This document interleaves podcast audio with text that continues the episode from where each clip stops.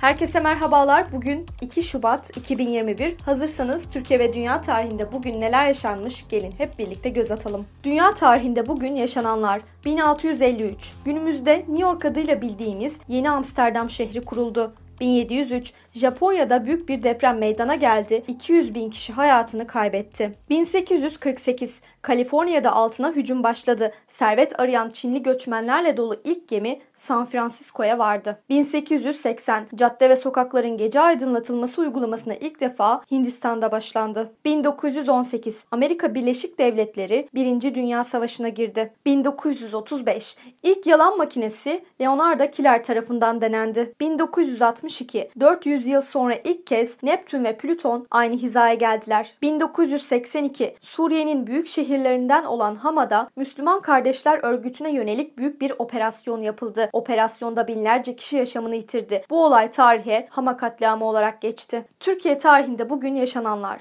1914 İstanbul'da ilk elektrikli tramvay işletmesi açıldı. 1991 Silopi ve Cizre'ye gazetecilerin girmesi yasaklandı. 2009 Ergenekon davası kapsamında 41'i tutuklu 86 sanığın yargılandığı davanın 46. duruşmasında ifade veren Sami Hoş'tan Susurluk kazasındaki kayıp çanta bende dedi. Bugün doğanlar 137 Roma İmparatoru Didius Julianus dünyaya geldi. 1936 Türk futbolcu Metin Oktay doğdu. 1977 Kolombiyalı şarkıcı Shakira dünyaya geldi. 1981 Türk pop ve rock sanatçısı Emre Aydın doğdu. Bugün ölenler. 1907 Rus kimyacı Dimitri Mendeleev hayatını kaybetti. 1966 Türk iş adamı ve Sabancı Holding'in kurucularından Hacı Ömer Sabancı hayatını kaybetti. Bugünkü bültenimizi de burada sonlandırıyoruz. Tarihte gerçekleşen önemli olayları ele aldık. Yarın tarihte neler olduğunu merak ediyorsanız bizi dinlemeyi unutmayın. Yarın görüşmek üzere.